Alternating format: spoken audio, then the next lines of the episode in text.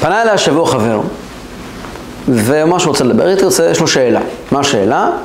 הוא פגש חברים, ודיברו, ואיכשהו הגיעו לנושא של התנ"ך, של המסורת היהודית, והחברים שלו אתגרו אותו עם שאלות מאוד קשות, שהוא היה צריך תשובה עבורם. חברים שלו טענו שהתנ"ך נכתב אה, בידי אה, הפרושים, תקופת בית שני, הוא הנציח את הגישה השלטת, אותה קבוצה מתוך כל הקבוצות שעם ישראל רוכב מהם אותם ימים, הקבוצה היותר דומיננטית היא, ש, היא שבעצם אה, השקיעה את השקעה, את הנרטיב שלה בתנ"ך, ושבסיסי התנ"ך נכתבו על ידי, לא על ידי משה רבנו, אלא על ידי שפן הסופר, בימי יאשיהו המלך, ו... אני לא מבין בזה שום דבר. מעולם לא שמעתי את הדברים האלה, ואני רוצה לדבר איתך. אז uh, עניתי לו מה שעניתי לו, ואני רוצה לפתוח את הנושא הזה כי זה נושא מאוד רחב, שהוא נוגע באופן מאוד עמוק לנושאים שאנחנו עוסקים בהם לאחרונה. במפגש הקודם דיברנו על נושא מאוד מאוד חשוב, על המקום של השאלות ביהדות. עד כמה שאלות הן דבר מרכזי ובסיסי באמונה שלנו. דיברנו על זה שבליל הסדר שבו אנחנו מנחילים את האמונה לדור הבא, אנחנו לא אומרים לילדים תשתקו, תנו לנו לספר, אנחנו מגרים אותם ומעוררים אותם לשאול שאלות. למה? לכאורה בלילה הזה, אנחנו אמורים להעביר את האמונה, הם אמורים להעביר את המסורת, אז יש לנו איזושהי טודישנה, איזשהו מסורת, איזשהו משהו שעובר מדור לדור. אז הכי נכון היה לבוא ולומר, ילדים תקשיבו, הלילה הזה תאכלו ותשתו ותהיו בשקט, תקשיבו לסיפור שאבא מספר שהוא שמע מסבא. במקום זה, אנחנו לא מספרים להם שום סיפור. אנחנו גורמים להם, מגרים אותם, גורמים להם בעצמם לשאול שאלות. אנחנו מודעים מראש לכך שישנם כל מיני סוגי שאלות. אחד חכם, ואחד רשע, ואחד תם, ואחד שאינו יודע לשאול, וזה בעיה מבחינתנו. אנחנו צריכים, את פתח לו, צריכים איכשהו להביא אותו לשאול שאלות. וכל זמן שהם לא שואלים שאלות, הסיפור שלנו הוא, הוא, הוא, הוא לא שלם. זה בדיוק הפוך לכאורה מהדרך שבה מעבירים אמונה. אמונה נכון יותר להעביר בצורה של מונולוג ולא של דיאלוג, בצורה של אמירה, בצורה של קביעת עובדה ולא בצורה של uh, שאלות. למעשה רוב הדתות והאמונות, אני אומר בזהירות, אפילו בתוך היהדות, תתי אמונות, קבוצות כאלה ואחרות, מאוד פוחדים משאלות. הם מאוד ישתיקו את השאלות, הם ישתיקו את השואלים. אני מעדיף שלא תשאל. בכלל, אחד הסימנים לדיקטטורה ולשלטון מחשבתי זה האיסור לשאול שאלות. אה, כשרוצים, כשמדברים על, על, על, על איזשהו, אה, אה, איזושהי אליטה שלטת שאסור לבקר אותה ואסור לעשות עליה קריקטורה ואסור לעשות ממנה סאטירה, זה, זה מצביע על איזשהו חוסר ביטחון עצמי. לא לעשות מסיבת עיתונאים. לא לעשות מסיבת עיתונאים, נכון, גם נכון, בהחלט, בהחלט. זה מגיע מתוך חשש שאין לי מה לענות, אני לא רוצה להיות מאותגר. אני מעדיף להנחיל את הנרטיב שלי בדרך שלי, להחזיק את התקשורת בידיים שלי, ו- ובעצם לא לאפשר לשאול שאלות, נכון. האמונה שלנו, כוחה הגדול והסיפור המעניין שלה הוא שהיא מעוניינת לשמוע שאלות, ולא רק שהיא מעוניינת לשמוע שאלות, היא גם כן, השאלות הן לא אחידות. יש לנו ארבע בנים, אני מכתחילה מגיע ואומר, אני יודע שאני עומד בפני, אני נכנס לאיזשהו לופ שהוא קצת מסוכן. מי אמר שהם ישאלו את השאלות? אני יכול לשתול בקהל עיתונאים, שאלו את השאלות שלי, מלמדים את הילדים לפני כן, מה נשתנה הלילה הזה מכל הלילות, כן? אבל בסוף, אגב, ופה מגיע דבר נורא מעניין, מישהו יודע מה התשובות של ארבעת הקושיות? מה התשובות על ארבעת הקושיות של ליל הסדר? רוב האנשים לא יודעים מה התשובות. האם זה מקהה במשהו את הסיפור של ליל הסדר? לא. האם לכן הסדר שלנו פחות סדר? אם אני הייתי רוצה להיות רובוט, הילד שואל אותי, אבא, מה נשתנה הלילה הזה מכל הלילות שבכל הלילות אנו מטבילים אין לנו מטבילים, אפילו פעם אחת הלילה זה שתי, שתי פעמים, ואני עונה לו כן, כי כתוב שולחן ערוך שצריכים להטביל שתי פעמים. כל הלילות אנו, זו התשובה אגב, אין תשובה אחרת, שבכל הלילות אנו אוכלים חמץ או מצה, הלילה זה, הלילה זה, לכולו מצה, ואני אענה לו, כתוב בתורה, בערב תאכלו מצות. אנחנו שומרים מצוות ולכן אנחנו אוכלים מצות. אני לא מגיע מפה לסיפור, לסיפור לסדר. רבן גמליאל היה אומר, כל שלא אמר שלושה דברים אלו בפסח, לא יצא ידי חובתו, אני חייב להביא את הילד למקום שהוא שותף מלא בחוויית הסדר, וזה באמצעות שאלות. כי אחרת המסורת תועבר דרכו, לא תועבר אליו. אם הוא לא שאל שאלה, הוא לא קיבל תשובה. דיברנו על זה בהרחבה מאוד גדולה, שהיהדות כולה עסוקה בשאלות. כל התורה כולה היא שאלות ותשובות, כל התורה שבעל פה היא שאלות ותשובות.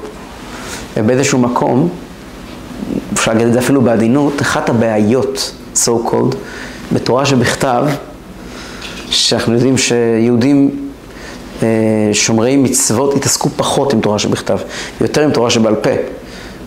אה, לאורך כל ההיסטוריה, במיוחד במאות השנים האחרונות, אחת הבעיות בתורה שבכתב זה שהיא לא פתוחה לשאלות. ולכן לא עסקו בה. זאת אומרת, התורה שבכתב, הנוצרים מבסוטים על הגג. מילים. יהודים, היה להם איזשהו קושי, כי אתה לא יכול להתעמת עם הכתובים, אז פשוט עדיפו לא להתעסק עם זה. אחת הסיבות. העדיפו לעסוק בדברי חז"ל, שחז"ל חוגגים עם שאלות, אגב, שאלות בכל תחום, כולל שאלות של, שאלות של התרסה, ממש התרסה.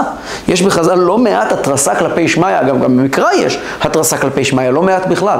יש הרבה מאוד שאלות במקרא עצמו, שהן שאלות מאוד קשות כלפי אלוקים, בלי תשובה. בלי תשובה. איוב? איוב זה דוגמה מאוד, דומה, מאוד מאוד חזקה של זה, אבל לא, היא, לא, היא לא דוגמה בלבדית, היא לא דוגמה יחידה. כן. הדוגמה הטובה ביותר בעיניי זה מזמור פ"ט בתהילים. אני אקרא לכם מזמור פ"ט בתהילים. הוא מדבר על שלושה חלקים. החלק הראשון שלו מדבר על גדולת השם. כלומר, אל תיתן לי תירוצים, שאתה חייב לקחת אחריות כי אתה גדול. כאילו, אין דבר שאתה לא יכול לעשות, אז אל תגיד לי התקשורת, העם, החקלאים, אתה, כן? ככה זה מתחיל, ואז זה עובר מאוד מהר לתאר את כל ההבטחות לדוד המלך, החלק השני של המזמור, והחלק השלישי כולו מראה ומצביע בצורה מאוד ברורה איך שהקדוש ברוך הוא לא עמד באף הבטחה שלו, ואין תשובה. אני אקרא לכם את זה. משכיל לאיתן האזרחי, חסדי אדוני עולם עשיר, על לדור ודור הודיע אמונתך בפי, כי אמרתי עולם חסד ייבנה, שמיים תכין אמונתך בהם, הכל אתה נאמן, הכל אתה מדויק. אתה אמרת, קראתי ברית לבחירי, נשבעתי לדוד עבדי. מה היה ברית? עד עולם אכין זרעך, ובניתי לדור ודור כיסאך סלע. בניתי את הכיסא שלך, את המלכות שלך, לדור ודור, סלע. ואז הוא מתחיל לתאר כמה הקדוש ברוך הוא, אין דבר שהוא לא מסוגל לעשות. ויודו שמיים פילך השם, אף אמונתך בקהל הקדושים, כי מי ושחק יערוך לשם, ידמה אל אדוני בבני אלים, מי בכלל דומה לך?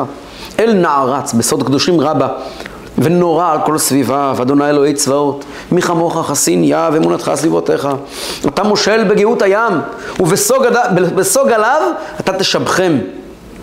אתה דיכאת כחלל רהב, בזרוע עוזך פיזרת אויביך, לך שמיים, אף לך ארץ, תבל ומלואה אתה יסדתם, צפון וימין אתה ורתם, תבור וחרמון בשמך ירננו, לך זרוע עם גבורה, תעוז ידך, תרום ימיניך, צדק ומשפט מכון כיסאיך, חסד ואמת יקדמו פניך.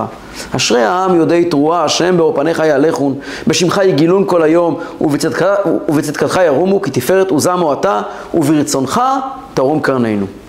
כי לאדוני מגיננו ולקדוש ישראל מלכנו. המגן שלנו בידיים שלך והמלך שלנו הוא שייך אליך. למה? ופה זה מתחיל. שימו לב להבטחות הגדולות לדוד המלך. אז דיברת וחזון לחסידיך. כלומר אמרת לנביאים, ותאמר, שיוויתי עזר על גיבור, הרימותי וכור מעם. מצאתי מישהו שאני בוחר בו. מצאתי דוד עבדי. בשמן קודשי משכתיו. אשר ידי תיכון עמו, אף זרועי תאמצנו, לא ישי אויב בו, ובן עוולה לא יעננו. וחטאתי מפניו צריו, ומשנאיו אגוף, ואמונתי וחסדי עמו, ובשמי תרום קרנו. ושמתי בים ידו, ובנהרות ימינו, from the river to the sea. הוא יקראני אבי אתה, אלי וצור ישועתי, אף אני בכור אתנהו, עליון למלכי ארץ. לעולם אשמור לו חסדי, ובריתי נאמנת לו, ושמתי לעד זרעו וכיסאו כימי שמיים. מה יקרה אבל אם הם יעברו על התורה ולא ישמרו את החוקה? אם יעזבו בניו תורתי ובמשפטיי לא ילכון? אם חוקותיי, אם חוקותיי יחללו ומצוותיי לא ישמרו? ופקדתי בשבט פשעם ובנגעים עוונם, אני אעניש אותם. וחסדי לא אופיר מימו, ולא אשקר באמונתי. גם אם יחטאו, יקבלו עונש, אבל אני לא חוזר בי מהשבועה. לא אחלל בריתי, ומוצא שפתיי, לא אשנה. אחת נשבעתי וקודשי, אם לדוד אכזב. זרעו לעולם יהיה, וכיסאו כשמש נגדי, כמו השמש היא תמיד קיימת. כירח ייכון עולם, ועד בשחק נאמן סלע. בשמיים יש עד שהוא תמיד נאמן. זה החלק השני. ואז מגיעה ההתקפה.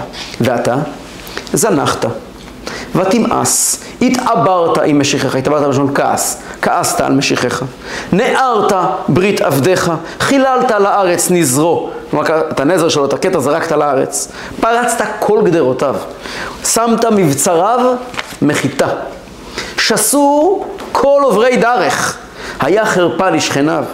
הרימות הימין צריו, הסמכת כל אויביו.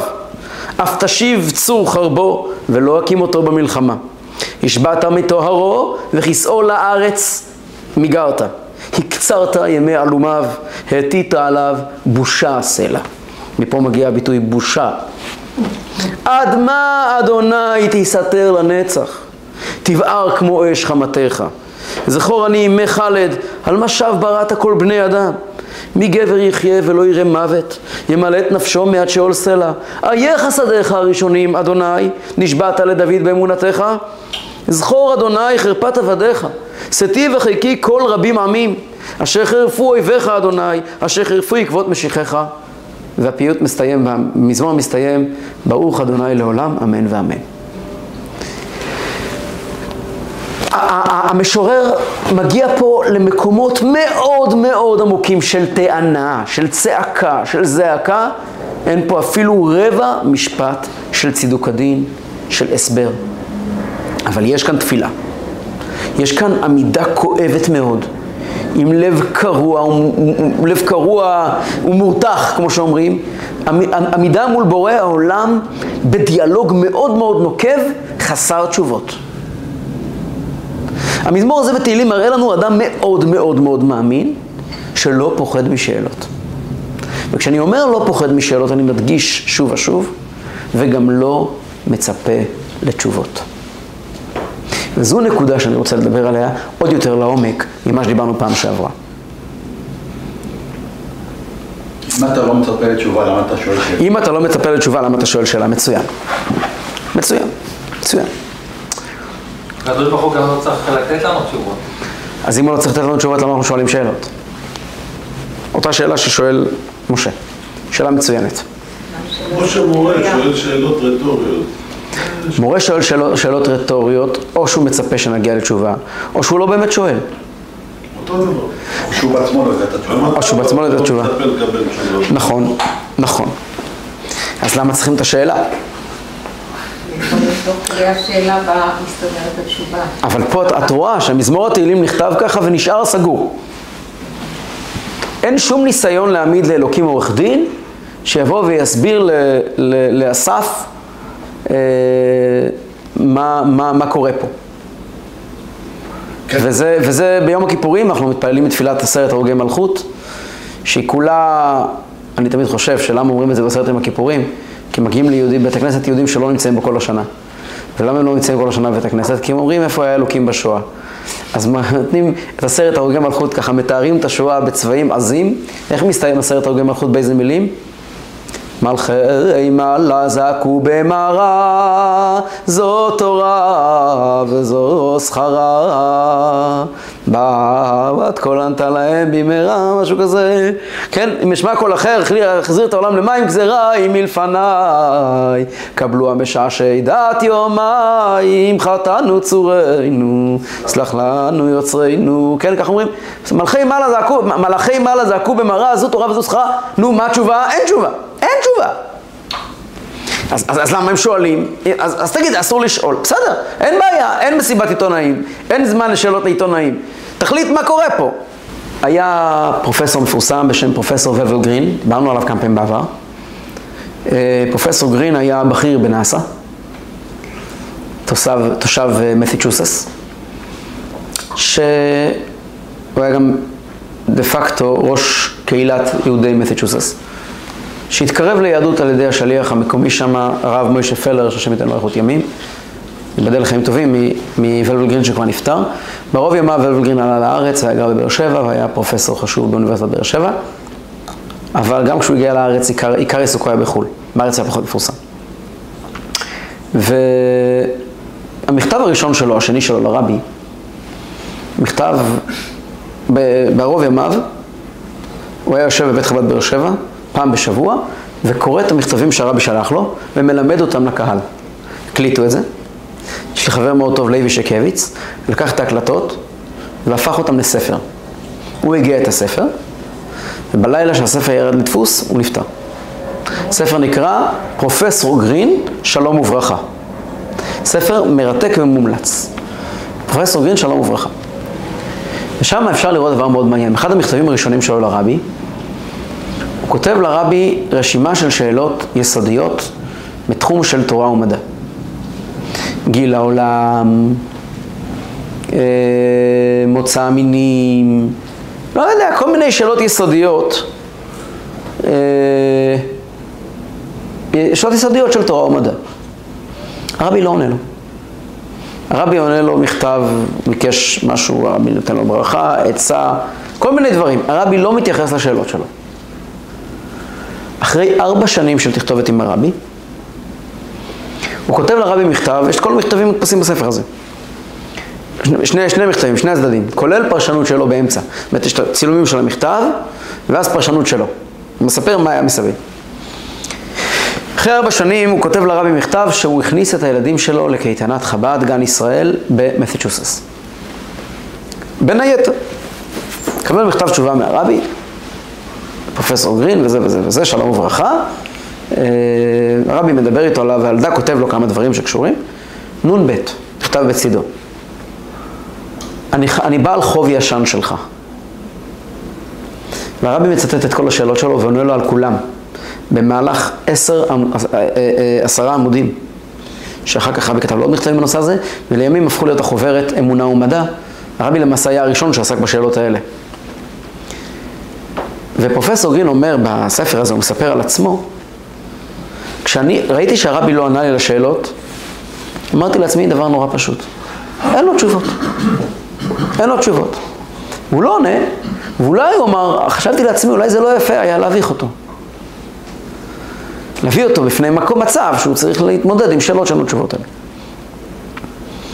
ובסדר. עברו ארבע שנים. כשכתבתי לרבי שהכנסתי את הילדים לבית ספר, לקייטנה, הרבי ראה שהלב שלי במקום הנכון. כשהוא ראה שהלב שלי במקום הנכון, הוא היה מוכן לענות לי תשובות שיכול לענות לי גם לפני ארבע שנים. והוא אומר ככה, שיהיה לכם ברור, אם הייתי מקבל את התשובות האלה לפני ארבע שנים, לא הייתי מקבל שם שורה אחת. לא הייתי מקבל שורה אחת ממה שכתוב שם. בגלל שעברו ארבע שנים, אני מוכן לקבל את כל מה שכתוב שם. אני רוצה להיכנס לעומק של המשפט הנפלא הזה שאמר פרופסור גרין. כולנו בנויים מנרטיבים. ואני יכול לתת את זה בצורה מאוד גסה. יבואו אלה ויטענו, אחרי השביעי באוקטובר, איך אפשר בכלל לחשוב שביבי הוא מלך ואלוקים? ואיך בכלל אפשר להיות ימני? יבואו אלה ויטענו, אחרי השביעי באוקטובר, איך אפשר איך אפשר לא להבין שהבן אדם הזה מושחת, חייב לעוף, חייב לעוף מהחיים שלנו, ויפה דקה אחת קודם. אלו צועקים ככה, ואלו צועקים ככה. אלו צועקים, אחרי שביעי באוקטובר, איך אנשים יכולים להיות דתיים? ואלו צועקים, אחרי שביעי באוקטובר, איך אנשים יכולים להיות חילוניים? אני שמעתי גם את זה וגם את זה. אלו צועקים, אחרי השואה, איך אפשר להאמין באלוקים? ואלו צועקים, אחרי השואה, איך אפשר להאמין באלוקים? אלו צועקים אחרי הקמת המדינה בידיים שלנו, איך אפשר להאמין באלוקים? ואלה צועקים אחרי הקמת המדינה בידיים שלנו, איך אפשר שלא להאמין באלוקים? הכל מפוזיציה. גם במלחמת יום כיפור היה ככה. הכל מפוזיציה. אדם יכול לעמוד מול, התגל... מול, מול, מול תופעות מטורפות ויחזקו את האמונה או את הכפירה שלו, מאוד מאוד תלוי איך הוא ניגש לסיפור. ולכן, אתן לכם דוגמאות, יצא לי לשמוע כמה וכמה הרצאות בכל מיני תחומים. למשל, יש פרופסור בשם רחל אליאור, נותנת המון הרצאות. בין היתר, יש לה הרצאות בתחומים שאני מכיר היטב, היטב, היטב, יותר ממנה. על הבעל שם טוב היא לא תלמד אותי. אף מידע היא לא תיתן לי שאין לי, ואני מכיר את טוב קצת יותר טוב ממנה. תזה שלמה, פלפול שלם, בלבולי שכל. עכשיו, יבוא אדם ויטען, רגע, אתה חולק איתה על העובדות? לא, אני לא חולק איתה על העובדות. השאלה איפה הלב שלי נמצא. אין פה מחלוקת על עובדות. השאלה איפה הלב שלי נמצא. יש, אם הלב שלי, אם אני אוהב את ההורים שלי, דרך פלא הם תמיד יהיו צודקים. ואם אני מסוכסך עם האויב שלי, בדרך פלא ההחלטות שלו תמיד יהיו שגויות. בדרך פלא, אני אין לי שום ביקורת על אנשים שרואים בכל מילה של ביבי אלוקים, ואין בי שום ביקורת על אנשים שרואים בכל מילה של ביבי שטן. הוא מדבר. אם אתה אוהב אותו, כל מילה שלו מתמכת את היותו, את היותו אלוקים, ו... או סגן של אלוקים, או אלוקים סגן שלו, תלוי ברמה. ואם אתה שונא אותו, אז כל מילה שלו מתמכת את עובדת היותו שטן, או סגן של השטן, או השטן סגן שלו, שוב פעם תלוי ברמת הזה. הכל מתחיל ונגמר. איזה חברה אתה נמצא? מי החברים שלך? ובעיקר, בעיקר, איפה הלב שלך? אנחנו קיבלנו מכשיר שנקרא שכל. חשוב שנזכור דבר מאוד פשוט, מאוד יסודי, ומי שלא מבין אותו, לא מבין איך משתמשים עם המוצר שנקרא שכל. השכל הוא בסך הכל פקל. הוא בסך הכל תיק קטן שאנחנו סוחבים לידינו. אנחנו משתמשים בו מעט מאוד ולצרכים מאוד מאוד מסוימים. הראייה הכי טובה, יש הרבה רופאים שמעשנים. הם מעשנים, הם יודעים שזה מסוכן, זה לא מפריע להם לעשן. יש אנשים, אנחנו יכולים להחליט, אם ברגע שאני אחליט על דבר מסוים, מבחינה רגשית, מבחינה, אם אני אשים את הנפש שלי בתוך תיק, בתוך, בתוך איזושהי תפיסת עולם, שאומרת שצער בעלי חיים, בשר זה רצח, אז השכל שלי יעבוד ככה, ואני אשתמש במידע שאני סוקר, אני סוקר מידע. יש לי, המוח שלי סוקר מידע כל הזמן, כל הזמן, כל הזמן. כל המידע שייכנס, ייכנס לפי התבניות שאני הצבתי לו. ואת התבניות אני הצבתי בלי קשר לשכל. ואם אני החלטתי שהאדם הוא, יש לו את הזכות לאכול בעלי חיים, לא משנה. זה בכלל לא רלוונטי. את התבניות של השכל אני יוצק בלי שום קשר לסקן, למדידה של השכל.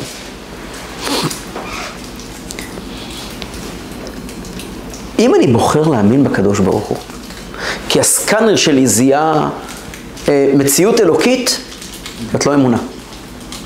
למעשה אין אפילו מאמין אחד שמאמין בצורה כזאת. אגב, אותו המידה, אם אני מחליט לנטוש את הקדוש ברוך הוא, כי הסקאנר שלי זיהה איזה שהם פגמים, זה גם כן לא מהשכל. סביר להניח, לא רק סביר להניח, בוודאות. האדם שמאמין ואדם שלא מאמין, חוו משהו. אדם שלא מאמין חווה ניכור, חווה חוויה לא טובה עם דתיים או עם דת. חוויה חוויה לא טובה עם ההורים שלו שהיו דתיים והרגיש כלפיהם איזשהו תחושה מסוימת.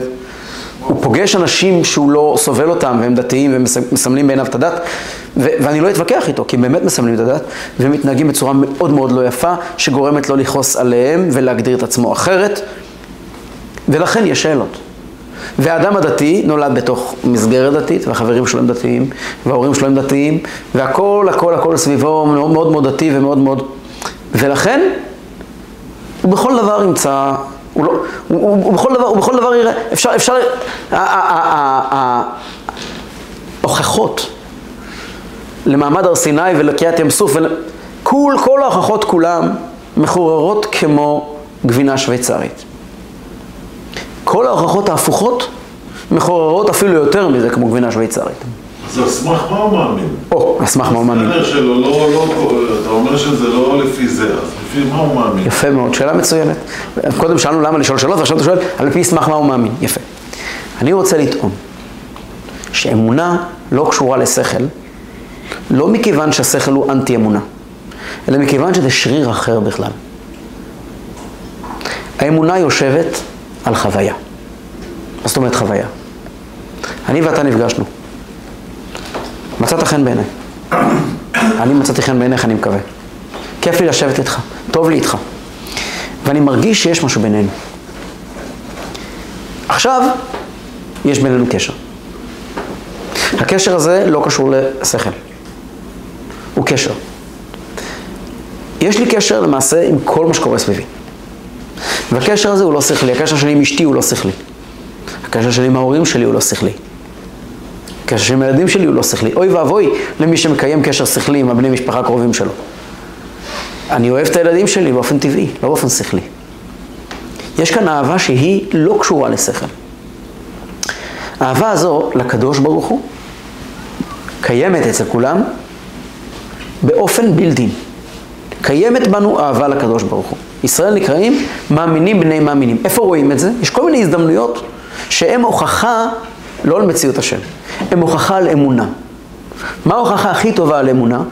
יש הוכחה על אמונה שפשוט מראה לך אמונה מול העיניים. מה ההוכחה על אמונה? ההוכחה על אמונה זה העובדה ההיסטורית שיהודים בכל הדורות שהגדירו את עצמם לא מאמינים, קמו ונהרגו עבור האמונה.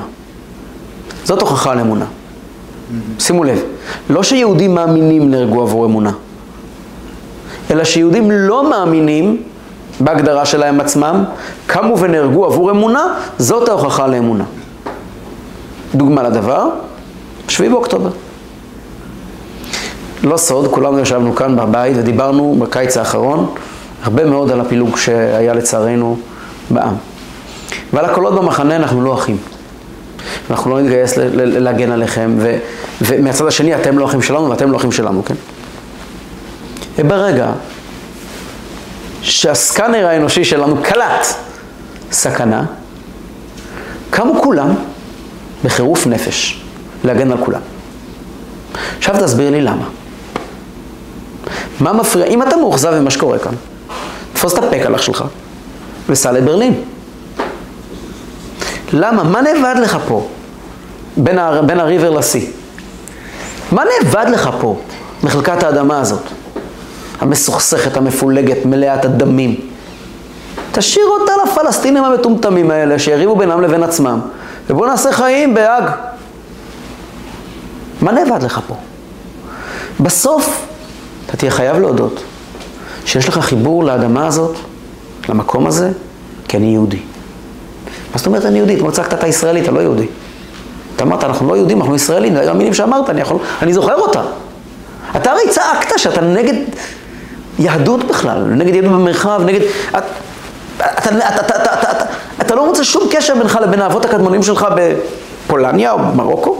אתה לגמרי טיפוס מודרני. אז אם אתה טיפוס מודרני, למה אתה לא חי ב... בלס וגאס? שאלתי אותך לפני כמה חודשים, וענית כי פה נולדתי ואני פה נשאר. אבל עכשיו אני שואל אותך למה אתה נשאר פה. למה אתה הולך למות בשביל הנוחות הזאת לגור במקום שבו נולדת הוא מאוד מאוד לא נוח? מה התשובה? אני יהודי? מה זאת אומרת אתה יהודי? מה פירוש המילים האלה אני יהודי? התרגום הבלבדי של המילים האלו הוא אני מאמין. אני לא לוקח את המילים ולא. לא, לא מפתח אותם יותר מדי לכיוון של הנחת תפילין, שמירת שבת, בוא הגזמת, אבל אני מאמין.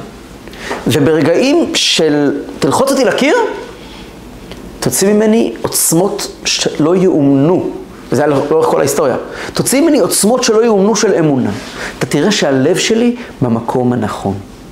עם איזה נרטיב, העולם שונא אותנו. הוא מוכן. אמרנו, יבואו אנשים בכל העולם, מיליארדים, וטוענים, אחרי השביעי באוקטובר, איך אפשר להגיד שישראל צודקת? מה תסביר להם בשכל?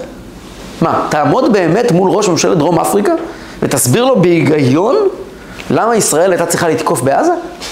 אתה חושב שהיגיון חסר לו? זה הבעיה שלו. מזכ"ל האו"ם פשוט לא יודע את העובדות, זה הסיפור. האם הגאונים הגדולים בהאג פשוט לא יודעים את ההיסטוריה? צריך ללמד אותם היסטוריה, הם לא יודעים, הם יודעים טוב מאוד את העובדות.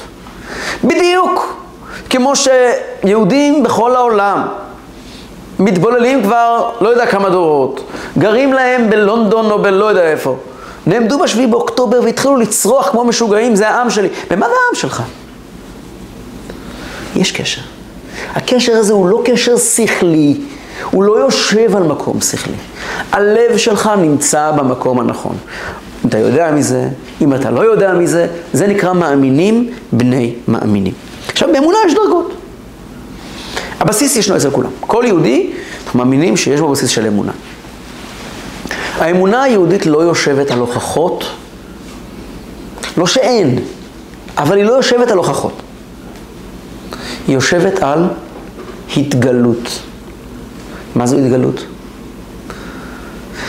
הרמב"ם כותב שמכות מצרים לא השפיעו על האמונה של עם ישראל כהוא זה.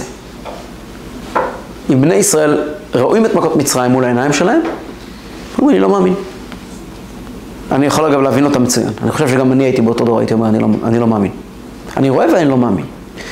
כיוון שאלו אותות חיצוניים, אלו הוכחות.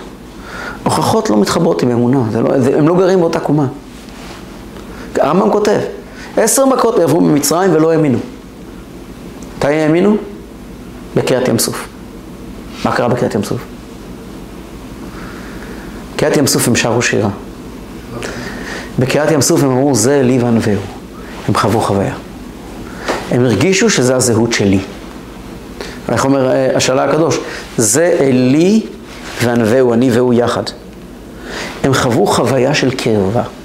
הם חוו חוויה כמו אמונה מלשון אומנת, כמו ילד על הידיים של אבא שלו. יש רגעים בחיים שה, שמפת החיים נקרעת ואתה עומד עם מבט של פליאה ואלו הרגעים מסדקים בחיים ששם פתאום מוצפים באמונה. השביעי באוקטובר פתח אצל הרבה מאוד אנשים חלונות כאלה. הוא לא, הוא לא היווה הוכחה.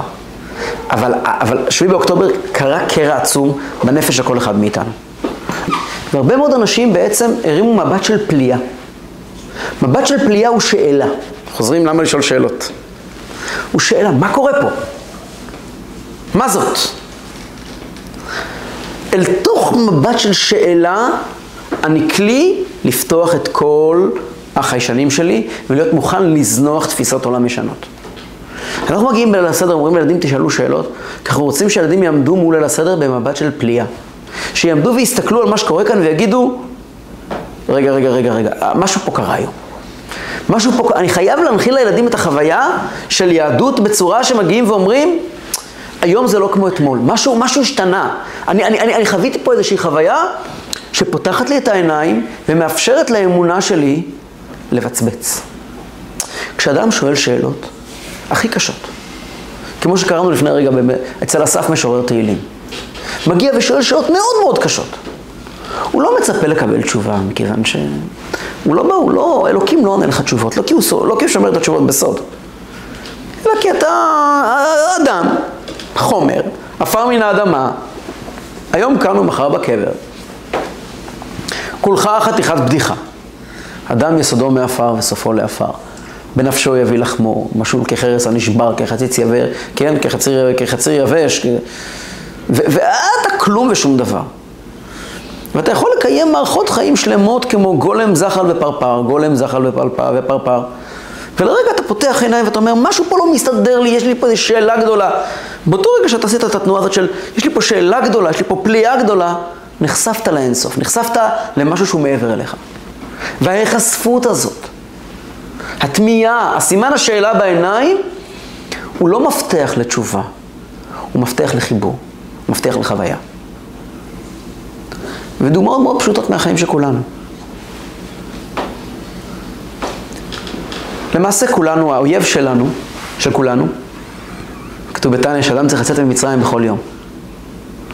האויב שלנו זה פרעה, מלך מצרים, המצרים והגבלות ש... שחוסמים אותנו. זה האויב שלנו בכל תחום בחיים.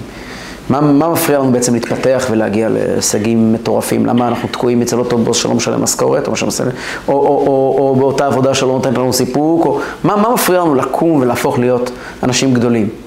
האנשים הגדולים יותר הם לא אנשים יותר חכמים, זה בטוח. תבדקו את זה. אנשים שהגיעו רחוק הם לאו דווקא אנשים חכמים, אין שום קשר, הם אנשים מעיזים. העזה נובעת מפליאה. מהיכולת לנטוש משהו, לבוא ולומר, אוקיי, ככה היה עד היום, אבל זה לא חייב להיות ככה. לאיפה אתה הולך? אני לא יודע. מי שיודע לאיפה הוא הולך, מגיע מאוד נמוך.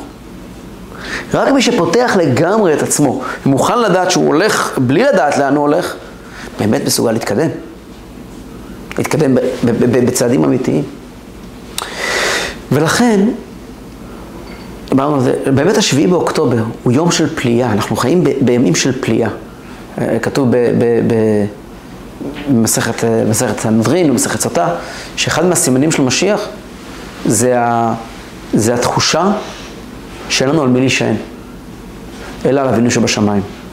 אנחנו נמצאים בימים כאלה כפי שלא היו מעולם. אנחנו נמצאים בימים שכביכול אולי יש לנו קצת נשק וקצת צבא מיומן, אבל לאף אחד מאיתנו אין תשובה על השאלה מה יהיה מחר. אף אחד אין פתרון מה עושים בעזה ביום שאחרי. לאף אחד אין מושג מה, איך פותרים את הבעיה של הפוליטיקה, את הלופ הבלתי נגמר הזה. אף אחד אין מושג מאין יבוא עזרי. רבי מהרש אמר, אשא עיניי להרים, מאין יבוא עזרי, אמר רבי מהרש, רק מאין יבוא עזרי. רק מפליאה, רק מהסתכלות אל הלא נודע. פתרונות מגיעים רק מקושיות. הצורך לפתור משהו, להיפתח ל-out of the box, נוצר רק כשאנחנו עומדים מול שוקת שבורה. ואנחנו חברים עומדים מול שוקת שבורה. וכל ניסיון לנסות לנרמל את זה ולמצוא פתרונות לא פותר לנו את הבעיה, אולי מכניס אותנו ללופ יותר מסובך. רק כשנהיה מסוגלים לעמוד ולהודות ולומר, וואו, אנחנו ב... בווחד סימן שאלה, רק כשנהיה מסוגלים לבוא ולומר ולהרים עיניים בפליאה, ולומר פליאה דעת ממני נשגבה לא אוכל לה, אנא אלך מרוחך ואנא מפניך אברח, אם אשק שמיים שמה אתה והצייה של עינקה, רק כשנהיה מסוגלים באמת לעמוד בפליאה מול האין סוף, נעבור לממד אחר של קיום. ממד שמסוגל לצמוח ולראות דברים אחרים שלא ראינו עד היום. זו הייתה הדרך היחידה שבה דברים התקדמו פה, לפחות במאה השנים האחרונות. כשאנשים הגיעו ואמרו, זה לא יכול להימשך ככה, משהו צריך לקרות, ומשהו קרה. אבל הדבר הגדול מאוד נמצא עוד רגע כאן. אנחנו רק צריכים להיות מסוגלים להרים עיניים מהלופ היומיומי שלנו, לפתוח סימני שאלה, וככה לצאת ממצרים.